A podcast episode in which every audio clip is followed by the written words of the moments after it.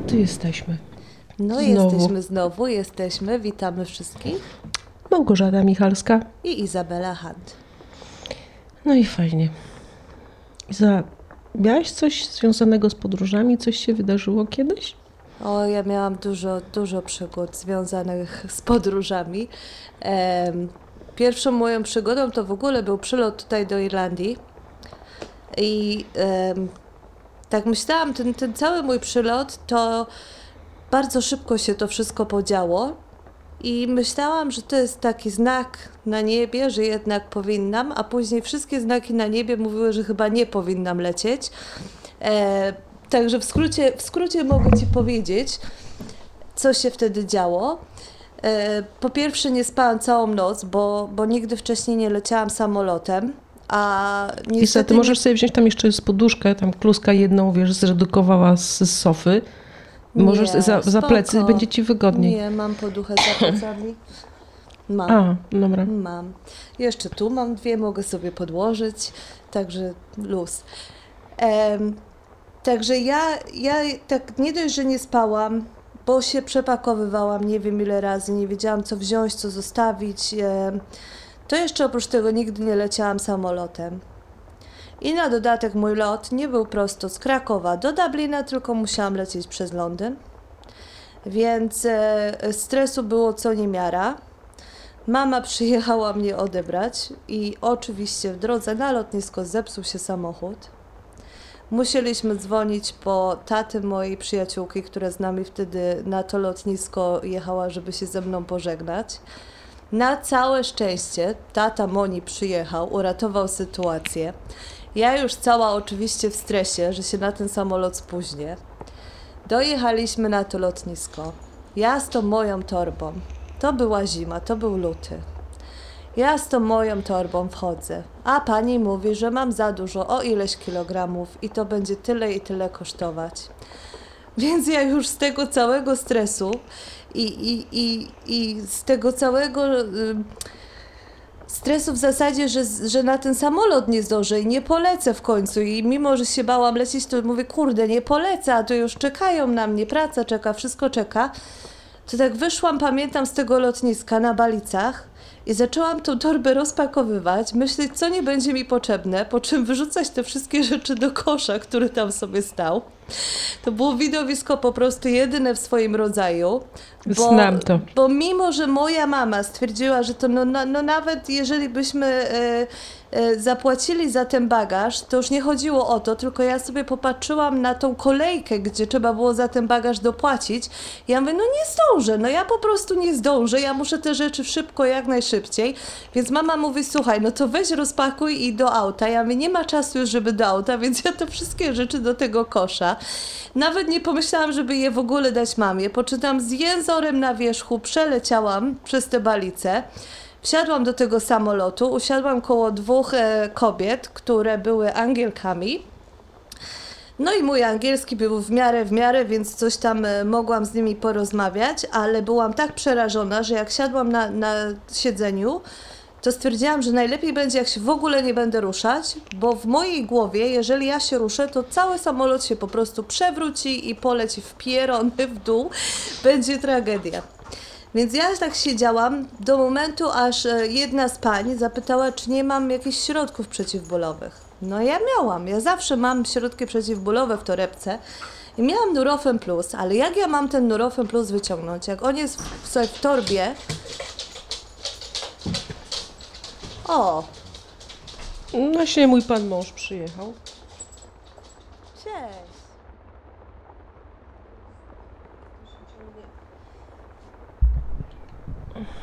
Co Blakuś, cześć. Przyszedł mój piesio. I dyszy, jest strasznie gorąco, chyba nie wiem, z 30 stopni. No, jak na Irlandii bardzo gorąco. No. No i co, i samolot się nie przewróci, jak sięgałaś po tabletki? Nie, no słuchaj, wiesz, ja byłam przerażona. Myślę sobie, no i mówię do tej pani, że tak, że ja mam przeciwbólowe, więc ona mówi, no, no to czy mogłaby prosić? No ja mówię, no tak, ale one są w torebce pod siedzeniem. Ona mówi, o to super, to super. No, no w sensie, że nie w torbie gdzieś tam, prawda, e, w samolocie, gdzie nie ma dostępu. E, no ja myślę, no ale jak ona, jak ona myśli, że co ja teraz wstanę z tego siedzenia i tą torbę będę szukać pod tym siedzeniem i w ogóle. E, no ale w końcu tą torebkę wyciągłam, dałam jej te, te nurofen, bo, bo szkoda mi było kobiety, żeby z tym bólem głowy tak siedziała. Zresztą cały czas w ogóle siedziałam przerażona, bo te ludzie łaziły do tej toalety w tej i we A ty się bałaś, że, samochód, A że samolot się a, przewróci. A ja myślałam, że samolot po prostu tak straci równowagę, jak za I dużo w jedną stronę. No ale wiesz, no słuchaj, no nigdy wcześniej nie leciałam. Miałam jakiś strach przed lataniem, bo to jednak nie masz nad tym w ogóle kontroli. Jak jedziesz w samochodzie, to widzisz, co się dzieje albo co robi kierowca, a tu siedzisz zdana na czyjąś łaskę, więc już w ogóle dla mnie to było niefajne. Lęk wysokości do tego, a jesteś jeju, tak wysoko. E, I do, tego, I do tego jeszcze właśnie ta niewiedza, no bo przecież pierwszy raz lecę, więc nie wiem o co chodzi. No ale powiem Ci Gosia, że no jakoś, jakoś ten lot przeżyłam. Jeszcze wtedy paliłam i tak sobie pamiętam, myślę, jak doleciałam już, to po tym całym stresie tego lotu, jak na to Stansted dolecieliśmy w Londynie, to ja mówię, nie, no ja muszę wyjść zapalić. Zanim przesiądę się, ileś tam miałam czasu do tego następnego samolotu y, do Dublina, mówię, to ja, ja zdążę i wyjdę sobie zapalić. No więc ja tak wylazłam e, z tego lotniska, jakoś udało mi się wyjść. Znalazłam gdzieś kosz, i, gdzie można było zapalić. Była popielniczka, w ogóle super. E, po czym, nie wiem czy z tego stresu, zmęczenia, przypuszczam kombinację wszystkiego, odwróciłam się i nie wiedziałam, w którą stronę iść albo gdzie iść, bo to nie było tak, że ja sobie wyszłam i to było od razu łatwe, tylko ja musiałam znaleźć tą drogę, żeby wyjść. No jak ja już wylazłam stamtąd, to się okazało, że tam skąd ja wylazłam, to już się nie da wejść, żeby wrócić, tylko no po prostu był cyrk. Tak czy siak w końcu udało mi się jakimś cudem znaleźć em, bramkę, z której leciałam ze Stansted do Dublina. I doszłam tam nawet przed czasem i tam siedział sobie taki bardzo miły pan e, z Polski, który w Polsce był nauczycielem, ale jaką pracę wykonywał tutaj nie mam pojęcia. No i tak zaczęliśmy rozmawiać i on, ja mu tak właśnie opowiadałam, że ja się tak strasznie w ogóle boję latać i, i, i, i tak dalej. No i on zaczął e, e, próbować to jakby zmienić moje myśli w kierunku czegokolwiek innego, zaczął wypytywać po co lecę i tak dalej. No jak w końcu wsiedliśmy do tego samolotu, usiedliśmy koło siebie, bo wtedy jeszcze nie było e, tak, że w Ryanerze były numerowane siedziska. Usiedliśmy i ja pamiętam jak ten samolot miał startować, to on mówi do mnie, że jak zamknę oczy, to jak się będzie zmieniać to ciśnienie, to ja usnę i trochę się prześpię w tym samolocie. A że nie spałam całą noc przed, więc stwierdziłam, no to byłoby super. Więc jak ten samolot startował, to ja tak zamknęłam te oczy, nawet, nawet mi nie przyszło y, przez myśl, że być może ten pan jest złodziejem, bandytą, okradnie mnie, nie wiadomo co się jeszcze stanie. Tylko zamknęłam te oczy y, i zasnęłam i pamiętam, obudził mnie przy lądowaniu y, i jeszcze do, tak był pan na tyle uprzejmy, że stwierdził, że wyjdzie razem ze mną i zaczeka, żeby zobaczyć, kto mnie z tego lotniska odbiera i upewni się, że wszystko jest w porządku. Także ta moja pierwsza podróż do Irlandii, no to, to było po prostu wielka przygoda. E, i wtedy, teraz może wydaje mi się to śmieszne, ale wtedy na pewno nie było to śmieszne, bo ja wtedy strasznie, strasznie się tym wszystkim stresowałam. I tak sobie myślę, Boże Izabela, jaka ty byłaś głupia, czym ty się tak stresowałaś, jak tu nie ma czym się w ogóle stresować. No ale cóż, no pierwszy raz poleciałam, później było już dużo, dużo łatwiej. A co u ciebie z przygodami? Wiesz z co, ja myślę, że to wszystko chyba zależy od tego, jakie kto ma szczęście, nie? Bo w Twoim przypadku mogło się wydarzyć wszystko, a nie wydarzyło się nic. Natomiast ja pamiętam naszą podróż, jak myśmy jechali e, na święta do Polski. Byliśmy już tutaj chyba z rok czasu, nie, pół roku, przepraszam. Pół roku. W Polsce mieliśmy dwa koty nasze zostawione, które były na kwarantannie. No i plan był taki, że jak pojedziemy na święta, no to zabierzemy tam te rzeczy, które nam jeszcze by się tutaj przydały i zabierzemy nasze kociaki. No i ruszyliśmy w drogę. Jechaliśmy samochodem, pojechaliśmy do Polski, oczywiście tam przeprawy promem, jeden, drugi, wszystko fajnie, super święta, odwiedziliśmy rodzinę. No, mm, cudny czas. No i czas powrotu. Samochód zapakowany po dach. Koty zapakowane w te kontenerki dla zwierzaków, tak? Po prostu taki eksodus, e, no powiedzmy przeprowadzka, tak? Jedziemy. Tylko nie mów, Jedziemy- maluchem jechaliście. Nie, nie, nie. Mieliśmy, mieliśmy Mitsubishi. Mitsubishi. E, zapomniałam, jak, jak, jaki to był typ tego Mitsubishi. E, zapomniałam, potem może mi się przypomni. W każdym razie jedziemy tym samochodem i ja miałam takie uczucie, pamiętam to do dzisiaj, ale to było bardzo dziwne. Tak jakbyś jedziesz samochodem, ale masz takie, nie wiem, jakieś wrażenie, jakby coś cię pchało w drugą stronę. Tak chcesz jechać, ale tak coś, nie wiem. To było bardzo dziwne. E, I 60 kilometrów, chyba było chyba około 60 kilometrów od granicy, w miejscowości Płoty, pękła nam uszczelka pod głowicą. O Boże. A na Pod płotem. szczęście pod, pod płotem, tak, w płotach pod płotem warsztatu samochodowego. Także mieliśmy więcej szczęścia niż rozumu. Tylko to był środek nocy i co robić, nie? Koty w samochodzie, dwójka dzieci, tak, godzina nie wiem, któraś tam była, no, no, no nocna w każdym razie. E, no myśmy zapukali tam do tego pana do warsztatu, że samochód się popsuł. Pan nas przyjął. Żona tego pana nas ugościła. Ja wyciągnęłam to, co tam moja mama zapakowała nam na podróż, jakieś tam babki piaskowe upieczone, Tak. jakieś rzeczy, żeby e, jakoś tym Wałówka, gospodarzom tak. się e, z- m, odwdzięczyć. Telefon do mojego teścia, który przyjechał po nas w nocy z Gdańska e, i zabrał nas z powrotem, tak? Więc cały ładunek w samochodzie został, no koty żeśmy wzięli. Z powrotem żeśmy pojechali do Gdańska i dodatkowy te, tydzień żeśmy w Gdańsku czekali na naprawę samochodu.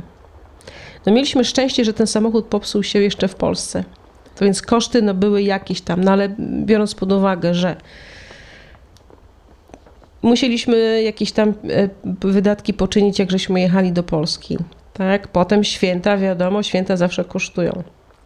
Więc myśmy już byli praktycznie spłukani, więc ten następny tydzień to myśmy już po prostu nie wiedzieli w ogóle jak, ale, ale jak, ale, ale za co.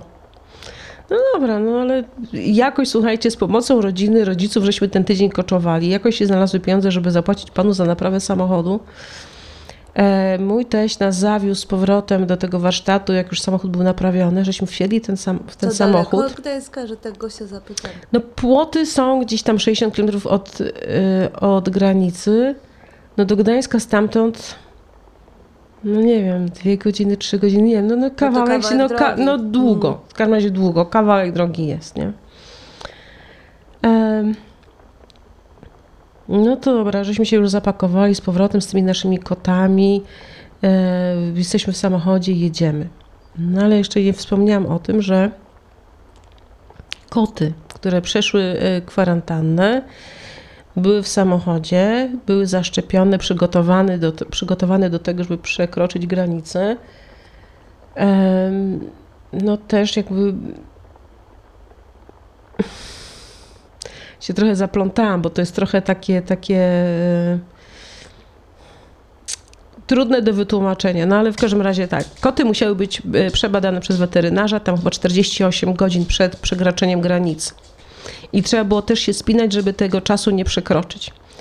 No i ja, biorąc pod uwagę, że wcześniej był problem tak z samochodem, coś się wydarzyło i po prostu gdyby coś, to ja bym miała problem już w ogóle z tymi kotami, żeby je przepchnąć przez granicę, bo by mi kociaki zostawili na tej granicy, to ja poprosiłam pana weterynarza, że no, wszystko jest zrobione tak jak trzeba, są odpchlone, odrobaczone, kwarantanna, wszystko jest tak jak trzeba, ale mówię, ten, to ograniczenie czasowe po prostu budziło u mnie taki stres, że ja poprosiłam, żeby po prostu nie wpisywał daty, że ja po prostu datę wpiszę, jak już będę w tym porcie, będę się pakować na ten, na ten prom, to ja wpiszę datę, tak? I tutaj mówię, no już nie, nie będzie żadnego szachrajstwa, tylko chodziło o to, żebym ja była spokojna, bo to jest, mówię, środek Europy Tak. i ja nie będę miała możliwości, żeby po prostu gdzieś coś jeszcze załatwiać, bo ja już będę wtedy, będzie pozamiatane.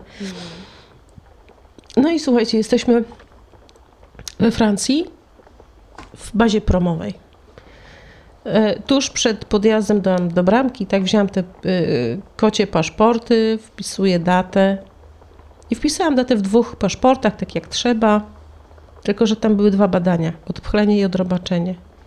I ja nie odwróciłam kartki w paszporcie i nie wpisałam daty przy tym drugim badaniu. O ja. I pan się przyczepił i powiedział, że tu nie ma daty. Ja wiem, no ale przecież mówię, no to, to, to samo, no, no przecież mówię, no te same pieczątki, to wszystko jest sobie zrobione. Nie. Słuchajcie, ręce mi opadły. No, co czułam, to, to trudno opisać. W każdym razie, dobra, pierwsza myśl, co tu zrobić? No to najprostsze było zadzwonić do weterynarza i żeby przysłał faksa tam do tych y, y, Francuzów, nie, to było do, że, do Angolii, do Anglików, żeby oni przysłali tego, ten faks do Francuzów, żeby oni nas puścili do Anglii. I ja miałam zadzwonić do, do weterynarza. No więc teraz jak tu zadzwonić do weterynarza? Ja nie wiem czemu, to był jakiś taki dziwny czas, nie wiem, czy że myśmy telefonu nie mieli komórkowego, ja nie wiem, pamiętam, że musiałam iść na, stac- na pocztę i kupować y, kartę do automatu do telefonu. Ja nie wiem czemu tak się działo, bo, bo komórki wtedy... Rozmowy były bardzo drogie, telefony chyba były Może jakoś, ja nie wiem, coś było. I bardzo drogie były rozmowy. Ja to pamiętam, że Być kiedyś może. się właśnie kupowało te karty, dzwoniło się do Polski z Być może tak to było. No więc poszliśmy na pocztę. No ale wiadomo, jak jest we Francji. Znaczy, może nie wszyscy wiedzą, ale dużo osób się orientuje, że we Francji to zanim się coś powie po angielsku, to trzeba się zapytać, czy można mówić w ogóle po angielsku. Bo Francuzi bardzo no, są, no, są jacy są i ten angielski jest niekoniecznie im po drodze. No ale ja, będąc w stresie, zmęczona, poszłam na tą, na tą pocztę, poprosiłam panią o kartę, a ona no, nie wie w ogóle o co chodzi. Słuchajcie, po wielkich bólach udało mi się kupić tą kartę do telefonu, do automatu, tak? Dobrze, jedna sprawa załatwiona. Szukam automatu, idę dzwonić, dzwonię do weterynarza. Dzwonię do weterynarza, ktoś tam odbiera i informuje, że utknęłam we Francji, jestem w bazie promowej, że potrzebuję potwierdzenia, że moje psy były zaszczepione i odrobaczone, tak, że są odpchlone, odrobaczone, że wszystko jest jak trzeba. I że bardzo proszę o przesłanie mm, maila tam na jakiś tam adres, znaczy faksu nawet. E, no więc dobra, oni powiedzieli, że oni to zrobią, że potwierdzą mi te wszystkie badania. No to ja już szczęśliwa odetchnęłam, mówię, okej, no to super ekstra. No ale czekamy, tak? Po jakimś czasie idziemy tam do tego pana w tej dyżurce i pan mówi, tak, mówi, no przyszło potwierdzenie, e, ale to wy macie to wpisane, to, to, to badanie. I to się okazało, że pan weterynarz potwierdził to badanie, które, z, z, którym nic złego nie było w paszporcie, a nie potwierdził tego, które było potrzebne do potwierdzenia. O ja dziękuję. Więc ja jeszcze raz dzwonię do Polski, rozmawiam z weterynarzem, a weterynarz, pamiętam, że myślałam, że mnie zje przez ten telefon. To był taki wielki problem wysłać tego maila, czy tego, ten faks. To było, nie wiem dlaczego, strasznie problematyczne dla nich, ale ja mówię, jeżeli po prostu tego nie zrobicie, to będziecie mieli mnie na sumienie, na sumieniu moje koty, bo ja po prostu nie mam już kończą mi się środki do życia, bo e, miałam masę różnych przypadków po drodze. Po prostu e, no jest to ekstremalnie ważne, tak, żeby napisać to potwierdzenie i wysłać jeszcze raz. Trwało to trochę. Myślałam, że naprawdę ten, ten y, weterynarz mnie połknie w całości przez ten telefon, no ale jakoś się udało, więc, więc to zostało poczynione, potwierdzone. Dobra, pan nas puścił, jesteśmy na promie, żeśmy przepłynęli tak z Anglii e, do, mm, znaczy z Francji do Anglii. Z tym, że to już było trochę czasu, tak, bo żeśmy musieli odpuścić tam jakiś tam wcześniejszy prom, tak, byliśmy spóźnieni, no trochę nam tego czasu już zaczynało brakować. I zostało nam bardzo mało czasu, żeby przemierzyć e, Anglię, żeby złapać następny prom do Irlandii. No i jedziemy. Jedziemy przez tą Anglię i nagle zaczynają się kolejne schody bo okazuje się, że na autostradzie trafiliśmy w jakiś dziwny trójkąt bermudzki. Jakaś pętla się zrobiła, byliśmy parę razy w tym samym miejscu.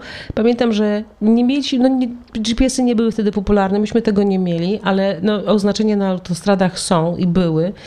E, ja z mapą na kolanach i cały czas gdzieś był jakiś błąd. I nie wiem, czy na mapie, czy na, e, na autostradzie. Parę razy byliśmy w tym samym miejscu, żeśmy się kręcili w kółko. Ja myślałam, że dostanę szoku. To było przy, Bir, przy, e, przy Birmingham. Ja wiem, no, no ja wiem, nie wiem, nie wiem co robić. Już mnie to denerwowało, bo tak paliwo zaczęło się pomału kończyć. Pieniądze też już się kończą. Czas nam ucieka, a mamy następny prom, który ma, ma nas przewieźć z Anglii do Irlandii. I ja już po prostu, no nie wiedziałam co robić, tak? Adrenalina już po prostu tak rosła. Do tego środek nocy ciemno, zaczęło padać, zaczęło wiać. Znalazłam jakieś miejsce na mapie, ja wiem, mąż słuchaj, ja mówię, jedziemy tu, tędy, mam tędy, gdzieś tam coś, ja mówię, tu pewnie będzie gdzieś jakaś stacja, ja mówię, no bo musi być, ja wierzę, że tam będzie stacja. A, w ogóle jeszcze było tak, że nie mogliśmy kupić paliwa, bo stacje były w tamtym czasie w nocy zamknięte. A druga rzecz to była taka, że tak jak mieliśmy te swoje karty laser, nie? To był cały czas, nie? To były te lasera? Nie, nie. jeszcze nie było. To jakieś, jakieś lasery, no w każdym razie były takie... Tak, debetowe, zwykłe. Takie, coś tam było, w każdym razie wiem, że Angole w ogóle tego nie akceptowali i że w ogóle nie można było praktycznie korzystać. Chciałaś wypłacić pieniądze w Anglii z automatu, z bankomatu, to po prostu nie było to możliwe, bo nie akceptowali karty, nie? Więc był, no, masakra. Więc no, nasz stres sięgał po prostu z zenitu. Ale dobra, no jedziemy tą, tą, tą drogą taką, która gdzieś tam y, mi się po pojawiła, że będzie ok. I tak jak to była droga, to potem się zrobiła dróżka.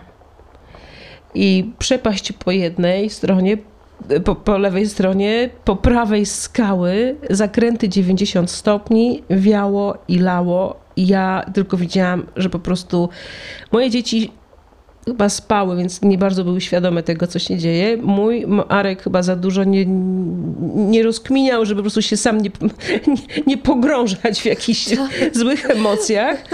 I ja zacisnęłam, ja mówię, Boże, ja się chyba, nie wiem, jedyna rzecz to po prostu modlitwa, żeby, żeby jakoś z tej, tej całej e, sytuacji w ogóle wyjść obronną ręką ale to naprawdę nie było fajne. Ja pamiętam, jak Arek gnał tym samochodem, a zakręty były 90 stopni.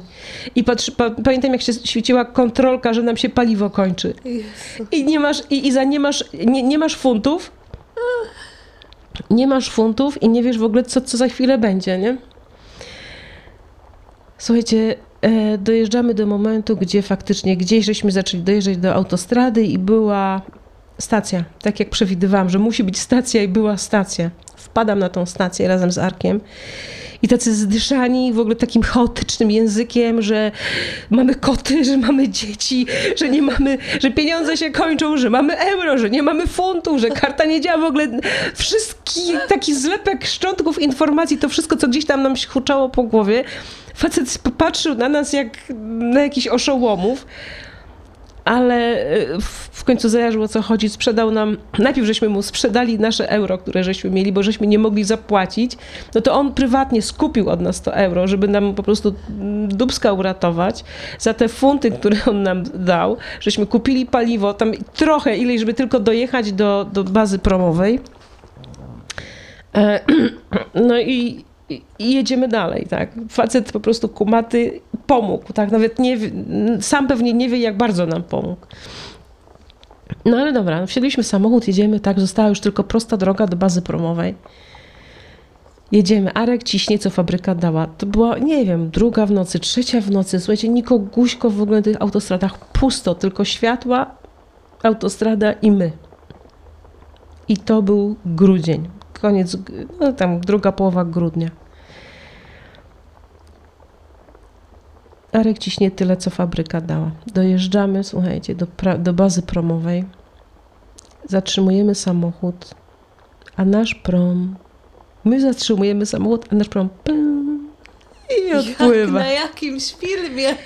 Tak, dosłownie jak na filmie. Grudzień, zima, ciemno, no i co nam pozostało? Powyciągać jakieś, nie wiem, kocyki, to co żeśmy mieli, jakieś śpiwory. Słuchajcie, ja nie wiem, w ogóle myśmy się okrywali, czym się dało, żeby doczekać do rana, aż otworzą biura, żeby przebukować nasze bilety. No i żeśmy koczywali tam w tym samochodzie, tak, zapakowanym po dach różnymi rzeczami, bambetlami, z kotami, z dziećmi, koty. Z kotami. Tak, dzieci, koty. I pamiętam, że na drugi dzień, znaczy na drugi dzień rano tego dnia, żeśmy e, robili ściepę. Ile nam zostało pieniędzy, kto ile ma, dzieci jakieś tam kieszonkowe, jakieś coś pieniążki od babci, wszystko, wszystko żeśmy po prostu tam zrzucali do jednego e, kapelusza, żeby e, przebukować bilety.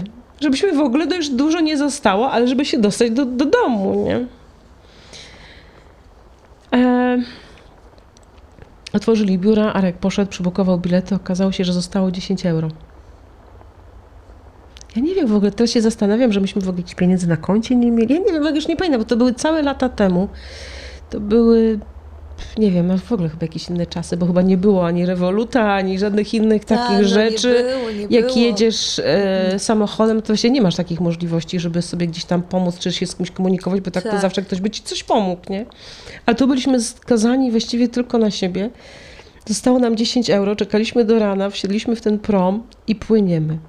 No ale żeby nie było tak już super i fajnie, tak, że już, już właściwie kłopoty się skończyły, to to był 2000, nie wiem, 6 czy 2007 rok i pamiętam, że ten przełom roku był taki, że były straszne sztormy, było dużo zatopień e, statków, że ciężarówki były poprzewracane na autostradach, no było trochę zniszczeń. I ten, też wszystkie sztormy, one, ten, ten sztorm się akurat zaczynał. I myśmy siedli na ten prom i płyniemy. Jesteśmy na ostatniej kondygnacji tego promu. I ja widzę w ogóle, co się dzieje, że ten cały prom to po prostu jest oblewany ogromnymi falami. Woda po prostu ścieka po szybach. Ten prom wysoki, promy, no wiesz, za jakie są No, promy. No to są ogromne statki. A to się wydaje, jak to po prostu taka jakaś mała łupinka. Ja mówię, no nie. I taka przytulona do tej szyby. Ja mówię, Panie Boże, ja mówię, no tyle przejść. Taki kawał drogi, 2000 kilometrów i utopić się akurat pod Dublinem. Ja mówię, no, no, no nie.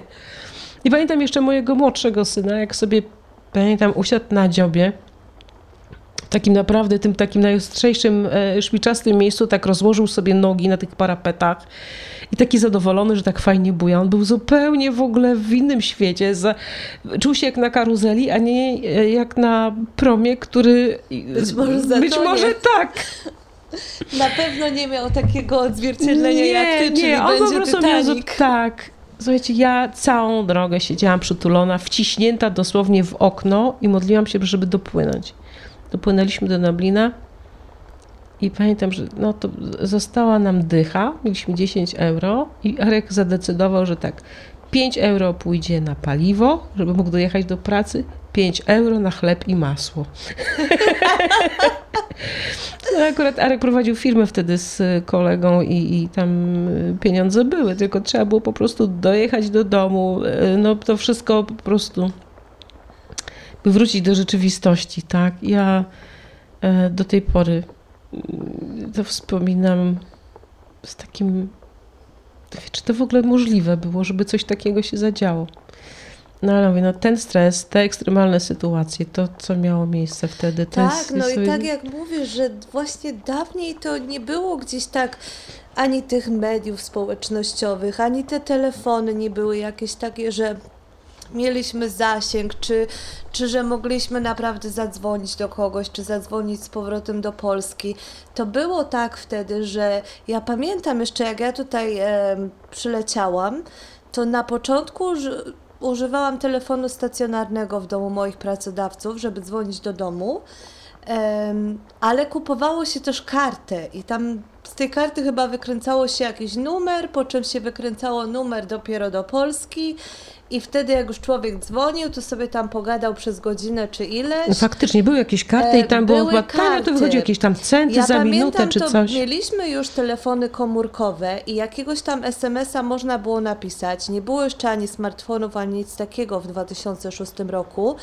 Em, ale pamiętam, że rozmowy do Polski były bardzo drogie. Jeżeli miałaś telefon na kartę I nie była to, dopiero później zaczęły wchodzić e, takie promocje z różnych firm tutaj telefonicznych, które miały na przykład tańsze rozmowy do Polski i to miało zachęcić klientów, bo było nas tu Polaków już dość sporo.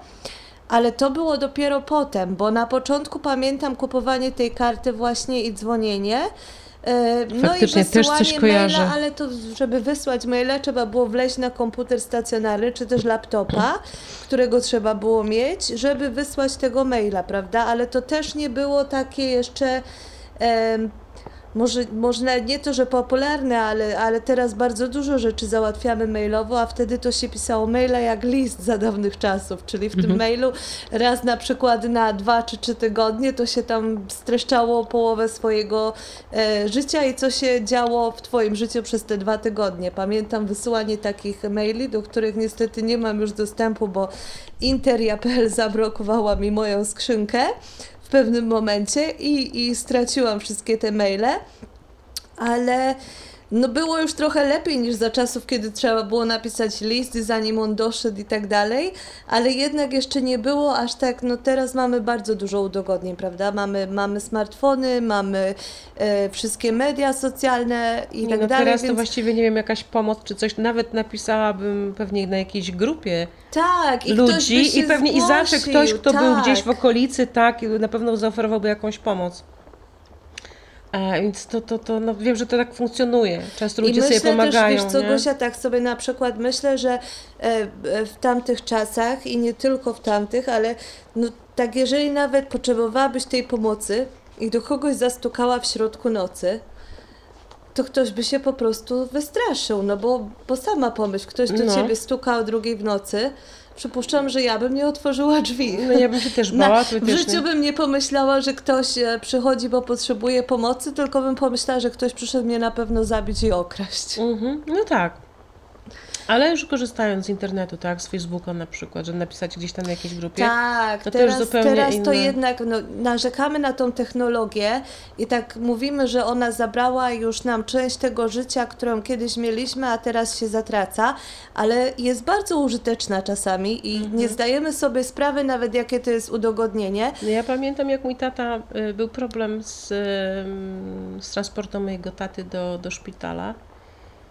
I ja napisałam gdzieś na grupie, na jakiejś grupie napisałam, że czy jest ktoś, kto mógłby pomóc w transporcie mojego taty do szpitala, bo moja siostra nie da rady y, i no, mama również, no, tata mieszka na trzecim piętrze i to był problem Mm.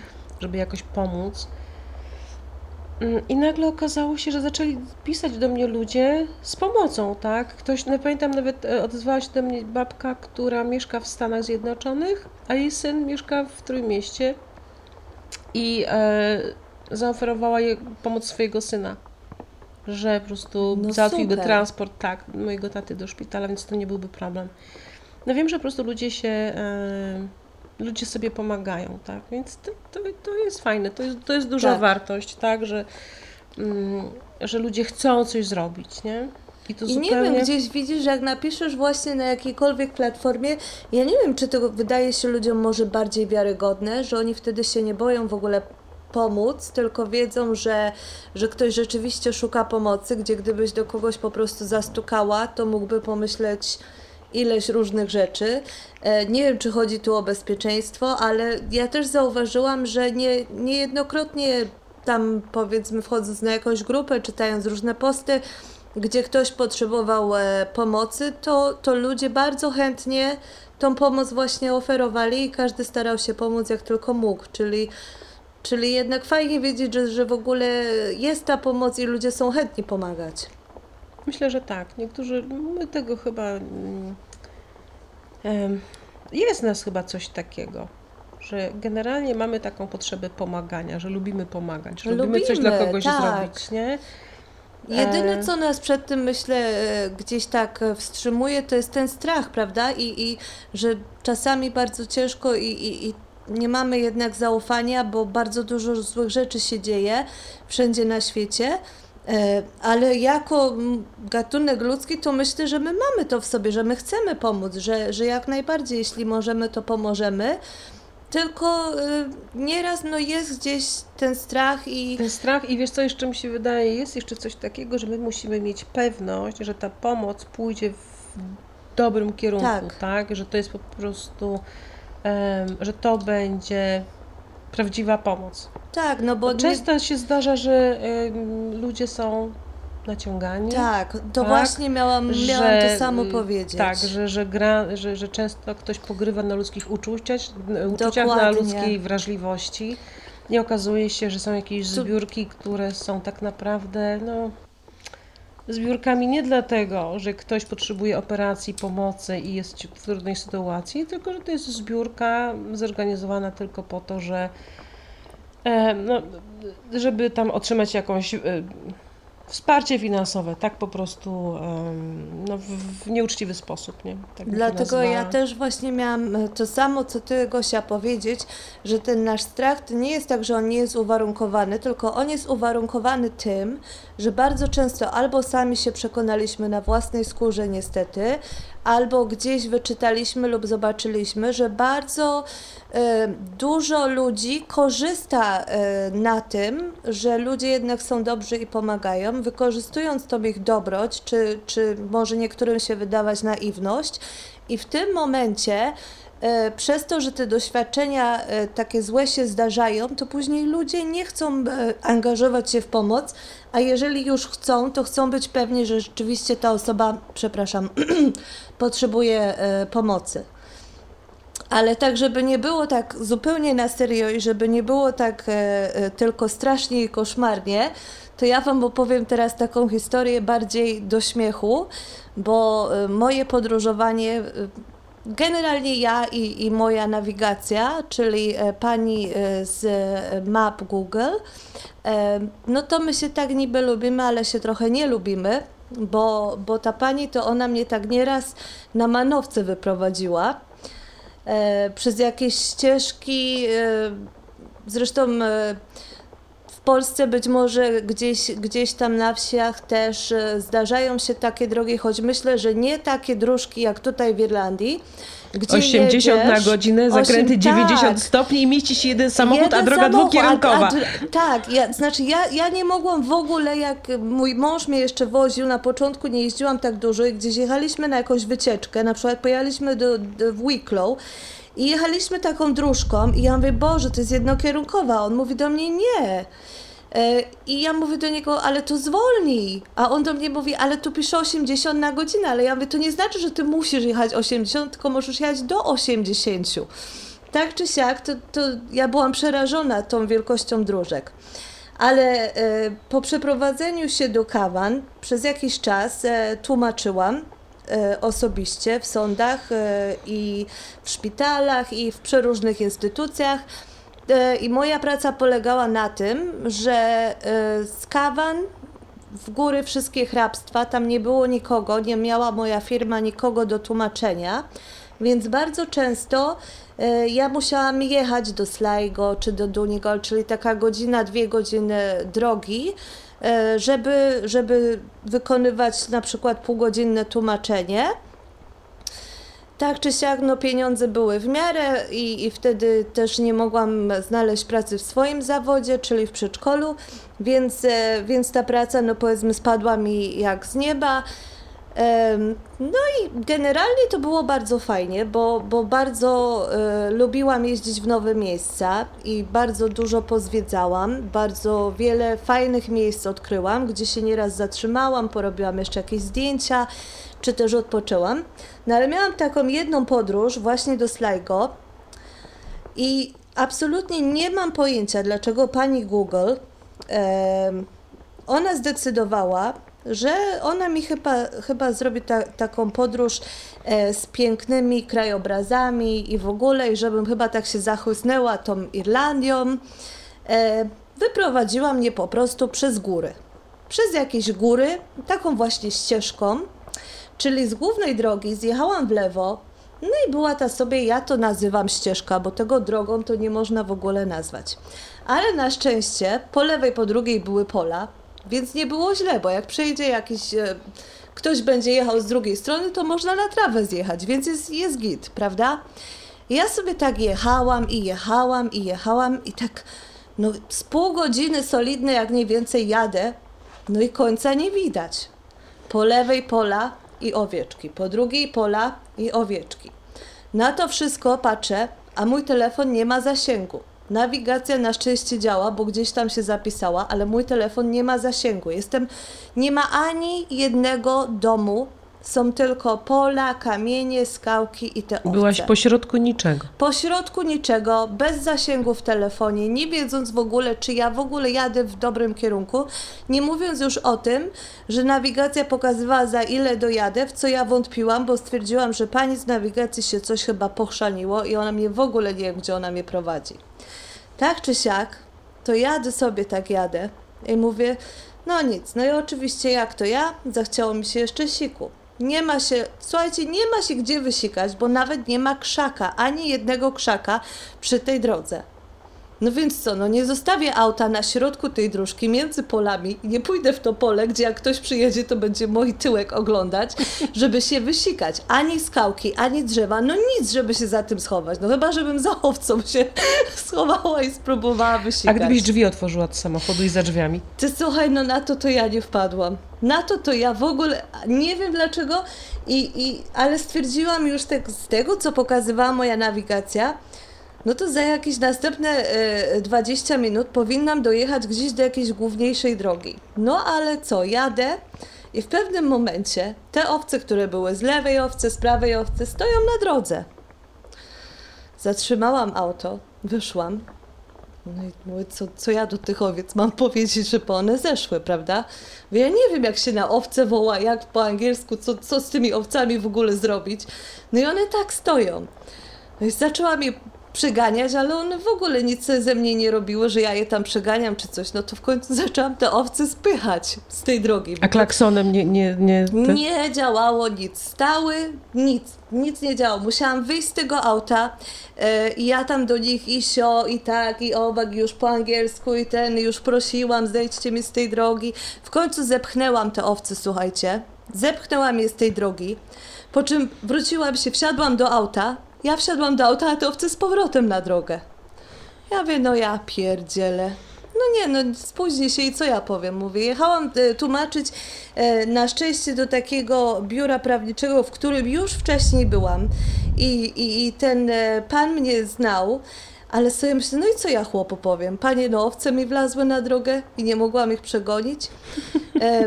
A jadąc wcześniej do Sligo wiem, że prowadziła mnie ta nawigacja inną drogą, więc nie wiem, czy tam jakiś był wypadek i ona mnie prowadziła, czy, czy, czy znalazła jakiś skrót, czy dlaczego ja w ogóle znalazłam się pomiędzy e, tymi górami.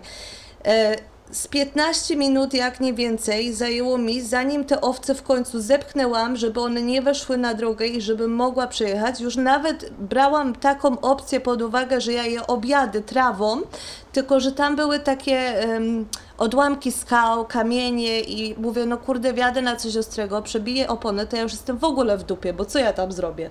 Nie mam jak zadzwonić, bo nie ma zasięgu. Jestem po środku niczego, daleko w jedną, daleko w drugą. Na szczęście te owce zlazły z tej drogi. No i ja w końcu pojechałam i rzeczywiście za jakieś 15-20 minut dojechałam do głównej drogi i dziękowałam Bogu i okazało się, że jednak przynajmniej jechałam w dobrym kierunku. Ale pamiętam, zrobiłam wtedy zdjęcie i dałam na Facebooka e, z opisem tylko w Irlandii, bo takie rzeczy mogą się zdarzyć tylko w Irlandii. E, a, a jeszcze miałam jedną taką sytuację, to też tylko tak bardzo szybko, e, jak jest właśnie taki lekarz dyżurny, tak jak tutaj mamy w Dublinie Didoka, to w Kawan też mieliśmy takiego dyżurnego lekarza, tylko z mojej tam miejscowości, gdzie mieszkaliśmy, to pół godziny trzeba było jechać. I mój młodszy syn Daniel mi się rozchorował. Pamiętam, David był wtedy w pracy, więc ja dzieci wsadziłam w samochód i musiałam do tego lekarza podjechać. I jak wracaliśmy, było ciemno, i wyszły krowy na drogę. Wyszły krowy na drogę. Ja nie wiem, dlaczego one w ogóle nie były w zagrodzie. To, był, to była zima, więc nie było aż tak e, późno, e, bo to było chyba koło godziny 8 czy 9. E, tak czy siak wylazły te krowy na drogę. Ja zatrzymałam auto. E, no i stoję prawda? I czekam, aż krowy przejdą, zejdą w ogóle. E, po czym ktoś mi stuka w szybkę, gość z kolejnego auta i mówi do mnie, halo, mys, czyje to są krowy? Ja mówię, ale oni myśleli, że to twoje. ja stoję i mówię do niego, ale ja nie wiem, ja nie jestem stąd. A, ja wiem, to są Johna krowy. Czekaj, ja do niego zadzwonię. Ja w tym aucie z tą dwójką małych dzieci, jeszcze, jeszcze Daniel e, był bardzo marudny, no bo był chory, miał chyba wtedy niecałe dwa latka. I tak się modliłam, żeby oni mi tego dziecka nie obudzili, bo jak on już w końcu zasnął, to nie będzie marudził i może ja go tylko przełożę do łóżeczka, a ten gość nie dość, że tak stukał w tą szybę, to jeszcze się da, czyje te krowy, a ja, ja mówię, no, no skąd ja mam wiedzieć, czyje te krowy, no ale on tak popatrzył, ja nie wiem, po czym te krowy poznał, czyje to są, i jeszcze tylko powiedział, że to Johna i, John pewnie poszedł do pubu i trochę przygrzał i, i zapomniał, zapomniał o krowach. Dlatego one łażą po mieście. One szukały właściciela. Słuchaj, ale to, to kolejna taka właśnie przygoda tylko w Irlandii, jeśli chodzi o podróże. No bo, bo po prostu no i, i też ja tak sobie myślę czasami, no jak, jeżeli człowiek nie jest obeznany z krowami, bo tam no, no każdy z tego kawan, jak im opowiadałam, to, to trzeba było wyjść w dupę, klepnąć i w ogóle. No ja nie no to... umiem krowy od byka w ogóle odróżnić. A już nie mówiąc o tym, żebym ja do tej krowy wyszła. No owce to ja mogłam zepchnąć, ale krowę... No, no ale owce raczej... też coś tam mają, nie? Że się nie dotyka owiec w zasadzie, znaczy, nie? Wiesz co, e, mi mój mąż opowiadał kiedyś, ale to chyba nie wszystkie owce mają, ale takie, takie białe robaki, ja nie wiem jak one się nazywają, ale to są takie białe robaki i one w skórę tak czasami w tą wełnę wchodzą. E, I ja, ja generalnie, a co, a co jeszcze mają, to, to nie wiem. Ja wtedy nie miałam wyjścia i ja musiałam te owce przepychać. Ja w ogóle pewnie śmierdziałam, jak ja do tego biura prawniczego dojechałam. Tylko ja już w tym momencie się nie przejmowałam niczym, tylko tym, że wyjechałam na normalną drogę. Ale, ale, ale tak sobie myślę, no bo te owce, no one nie były wypachnione Armanim. Ja pamiętam, ja pamiętam, jak myśmy wybierali się na wycieczkę. To był e, święta Wielkiej Nocy i przez e, jakiś tam okres czasu było tak właśnie, że te święta Wielkiej Nocy to zawsze, zawsze żeśmy się gdzieś tam wybierali na jakąś taką e, większą wyprawę. No i to była pierwsza nasza wyprawa do Irlandii Północnej. Mój Arek powiedział, że nie będziemy nic bukować, tyle tego wszystkiego, tych B&B, to w ogóle po co sobie głowę zawracać. Myśmy się spakowali i pojechali. No i jak się okazało, to wszystkie B&B były nabite po dach. Nie było gdzie się zatrzymać. No i znowu, bo nie wiem, druga w nocy, a my y, po tych wsiach, światła w ogóle żadnego, nie wiadomo gdzie tu jechać, gdzie tu się zatrzymać, co zrobić, małe dzieciaki w samochodzie. No ale ja gdzieś tam kątem oka zauważyłam jakąś tabliczkę B&B, a to było naprawdę jakieś takie, no, spory odludzie powiedzmy. Ja mówię, to ja, wiesz co, to chodź, mówię, może zapukamy, może zobaczmy tam. No i znowu, słuchajcie, żeśmy wyszli z tego samochodu i na takiego płaczka, że jedziemy. No, żeśmy się, znowu żeśmy się wpakowali sami na własne życzenie w kłopoty. No ale tłumaczymy, otworzył taki starszy pan, że no mamy z dzieciaki, żeśmy sobie wyjechali, no i się okazało, że nie ma nigdzie no, miejsca, żeby się zatrzymać. I on mówi tak, ona już śpi, ale ja ją obudzę. No dobra, no okazało się, że miał na myśli swoją żonę. E, zdaje się chyba Mary to była. Mary podeszła i mówi, wiecie co? Mówi, no ja mam wszystkie pokoje zajęte, ale no jest taki jeden pokój, mam taki zapasowy pokój, z którego ja nigdy nie korzystam, gości też tam nie wpuszczam. On jest taki bardzo wyjątkowy, bardzo zapasowy, taki bardzo skansenowy ten pokój się później okazał. No i że tylko dwa łóżka. Ja mówię, nie ma problemu, my się tam przytulimy, dzieci są małe, to my się pomieścimy, chodzi o to, żeby się parę godzin przespać.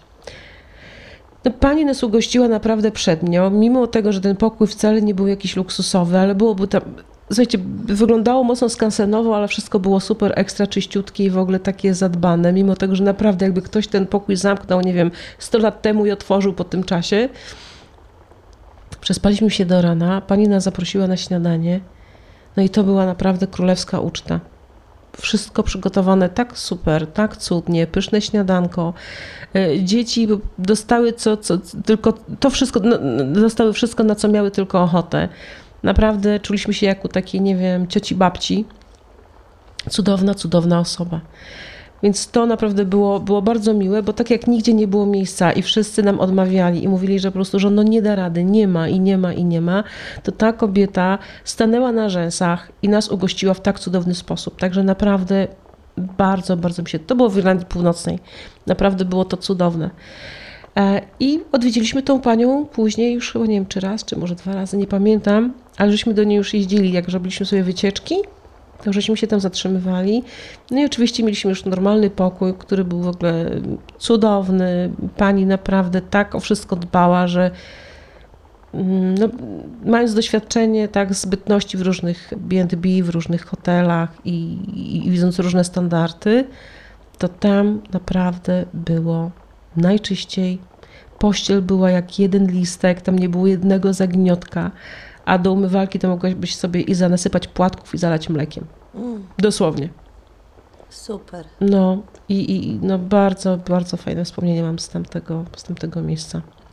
A mi się jeszcze przypomniała taka rzecz, to w zasadzie nie jest e, o, o podróżowaniu, tylko tak teraz mi się akurat przypomniało i być może powiem ku przestrodze, nie wiem, czy komuś wpadłoby do głowy, czy może wszyscy wiedzą, a ja nie wiedziałam. Pamiętam, jak kiedyś wracałam z Dublina od teściowej i w aucie miałam Tomka i Daniela. Danielek może miał z półtora roku i teściowa dała mu lizaka. I jechaliśmy autostradą i on mi się tym lizakiem zachłysnął. E, także tak sobie przypomniałam to, teraz, bo pamiętam jak nie wiedziałam e, co zrobić, zjechać, nie zjechać. E, Tomek e, miał wtedy 4 latka, 4,5, więc, więc dużo nie był w stanie, tam klepał Daniela i w ogóle. Na szczęście ten lizak w końcu wypadł, ale on rzeczywiście ssał sobie tego lizaka i nie wiem, czy mu się usnęło i jak później wziął wdech, no to ten lizak po prostu poszedł no. e, i, i słyszałam jak mi się krztusi i dusi i w końcu stanęłam i, i dziecko wyjęłam, wszystko się dobrze skończyło, ale tak sobie pomyślałam, że powiem ku przestrodze innym, bo czasami to są takie małe e, rzeczy, o których nawet byśmy nie pomyśleli, e, a jednak jeżeli jedzie się samemu z dziećmi, to, a zwłaszcza autostradą, no to nie tak łatwo zjechać i się zatrzymać, tylko... Mhm. Musisz mieć miejsce, możliwość, no wiesz, pędzące a, samochody a, a, i nie jeszcze wiesz... myślę o tych naszych tutaj niektórych drogach irlandzkich, które właśnie są takie wąskie, nie ma pobocza w ogóle. Poza tym jesteś sama na tej drodze tak naprawdę, mimo tego, że są inne samochody, tak, i, i właściwie, no jak tu... Tak, nawet nie, ma, się zatrzy... nie ma jak zjechać, nie ma się jak ale ja myślę jeszcze, Ale ja myślę też. nawet o, o, tym, że jak już się zatrzymałaś i potrzebujesz pomocy, tak, to jak w ogóle złapać kogoś, co mm. robić? Tu dziecko, które się krztusi, tutaj próbujesz, pod, wiesz, pomocy, um, zadzwonić, tak, no ale to, no, to z tym dzieckiem, dla mnie to jest no, sytuacja bardzo stresująca. Powiem Ci, ja się też, Gosia, bardzo wtedy zestresowałam i... Yy, autostrada jak autostrada, przynajmniej jest ten pas, gdzie można zjechać i zjechałam, zatrzymałam się. Nie powiem, bo strasznie duży był stres, żeby z powrotem wjechać na autostradę, bo wszystkie te auta tam pędziły, a wiadomo, ty ruszasz E, z auta, które było zatrzymane, więc no ja wiem, no to żeby, żeby włączyć więc się do ruchu jest stres, jest stres i problem. żeby włączyć się do ruchu z powrotem na autostradzie i nikt tak naprawdę nic sobie z tego nie robił, że, że ty tam próbujesz się włączyć do ruchu. E, więc, więc oprócz tego to był też stres. No ale tak sobie pomyślałam, jeżeli to by się stało, jak już zjechaliśmy z tej drogi głównej, to y, my jechaliśmy, tam były właśnie takie mniejsze drogi, które nie mają poboczy. E, nie ma nawet gdzie zjechać, żeby zjechać do kogoś nawet, bo, bo to są pola obok, ale nie ma pobocza, czyli jest taka miedza tylko w dół. E, więc nie ma się nawet gdzie zatrzymać, żeby zatrzymać się bezpiecznie, rozumiesz? Czyli nie zatrzymasz też samochodu w niebezpiecznym miejscu, gdzie ktoś ci wjedzie za przeproszeniem w tyłek, bo właśnie jest 80 na godzinę i ktoś będzie jechał te 80 i nie zdąży wyhamować. No tak, no bo na tych drogach takich właśnie, gdzie jest 80, masz zakręty, za których po prostu no nie wiesz. Czy coś Tak. ci nie wyjedzie i no ja, ja I wiem. jeszcze my jadąc, nie, nie znając drogi, czy też e, powiedzmy jadąc z dziećmi, to jedziemy w miarę ostrożnie, gdzie ludzie, którzy już znają te drogi i, i tak zwani lokalni tam ludzie właśnie, no to e, jeżdżą jak wariaty nieraz po tych drogach. e, Speedują gdzie się tylko da, prawda? Oczywiście, ale oni wiedzą. Tak, oni wiedzą, już tam mają swoją rutynę, znają te drogi i, i, i oni tam się nie boją. Chociaż mówię, ja, ja zawsze staram się być ostrożna, zawsze wolę na zimne dmuchać. Zresztą, jak dzieciaki moje były małe, to wszystkie małe, nie wiem, części, zabawki, jakieś klocki, to wszystko to było naprawdę gdzieś tam odsunięte na bok. Ja się bałam. Ja się bałam, że mi coś zjedzą, że mi gdzieś sobie wsadzą do nosa, do ucha. E, No, odpukać jakoś nie pamiętam takich ekstremalnych sytuacji. Mm, Ale no, nie wyobrażam sobie, że gdyby coś takiego miało miejsce, to pewnie no, byłabym mocno spanikowana.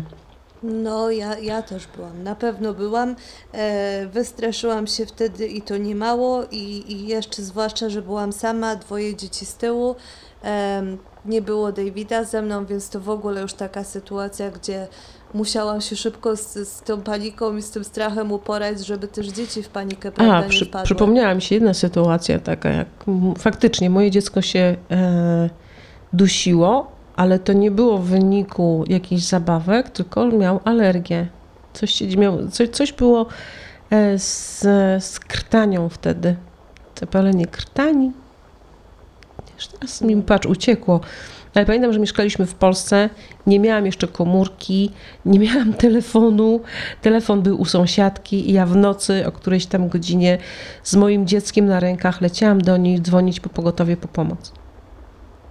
Ale pamiętam, że dzieciak mi się zaczął dusić w nocy, nie mógł oddychać, zaczął harczeć. Ja nie wiedziałam, co się dzieje. I się okazało właśnie, że było coś z krtanią, że przyjechało pogotowie, dostał zastrzyk e, i wszystko wróciło do normy, tak jakby ręką odjął.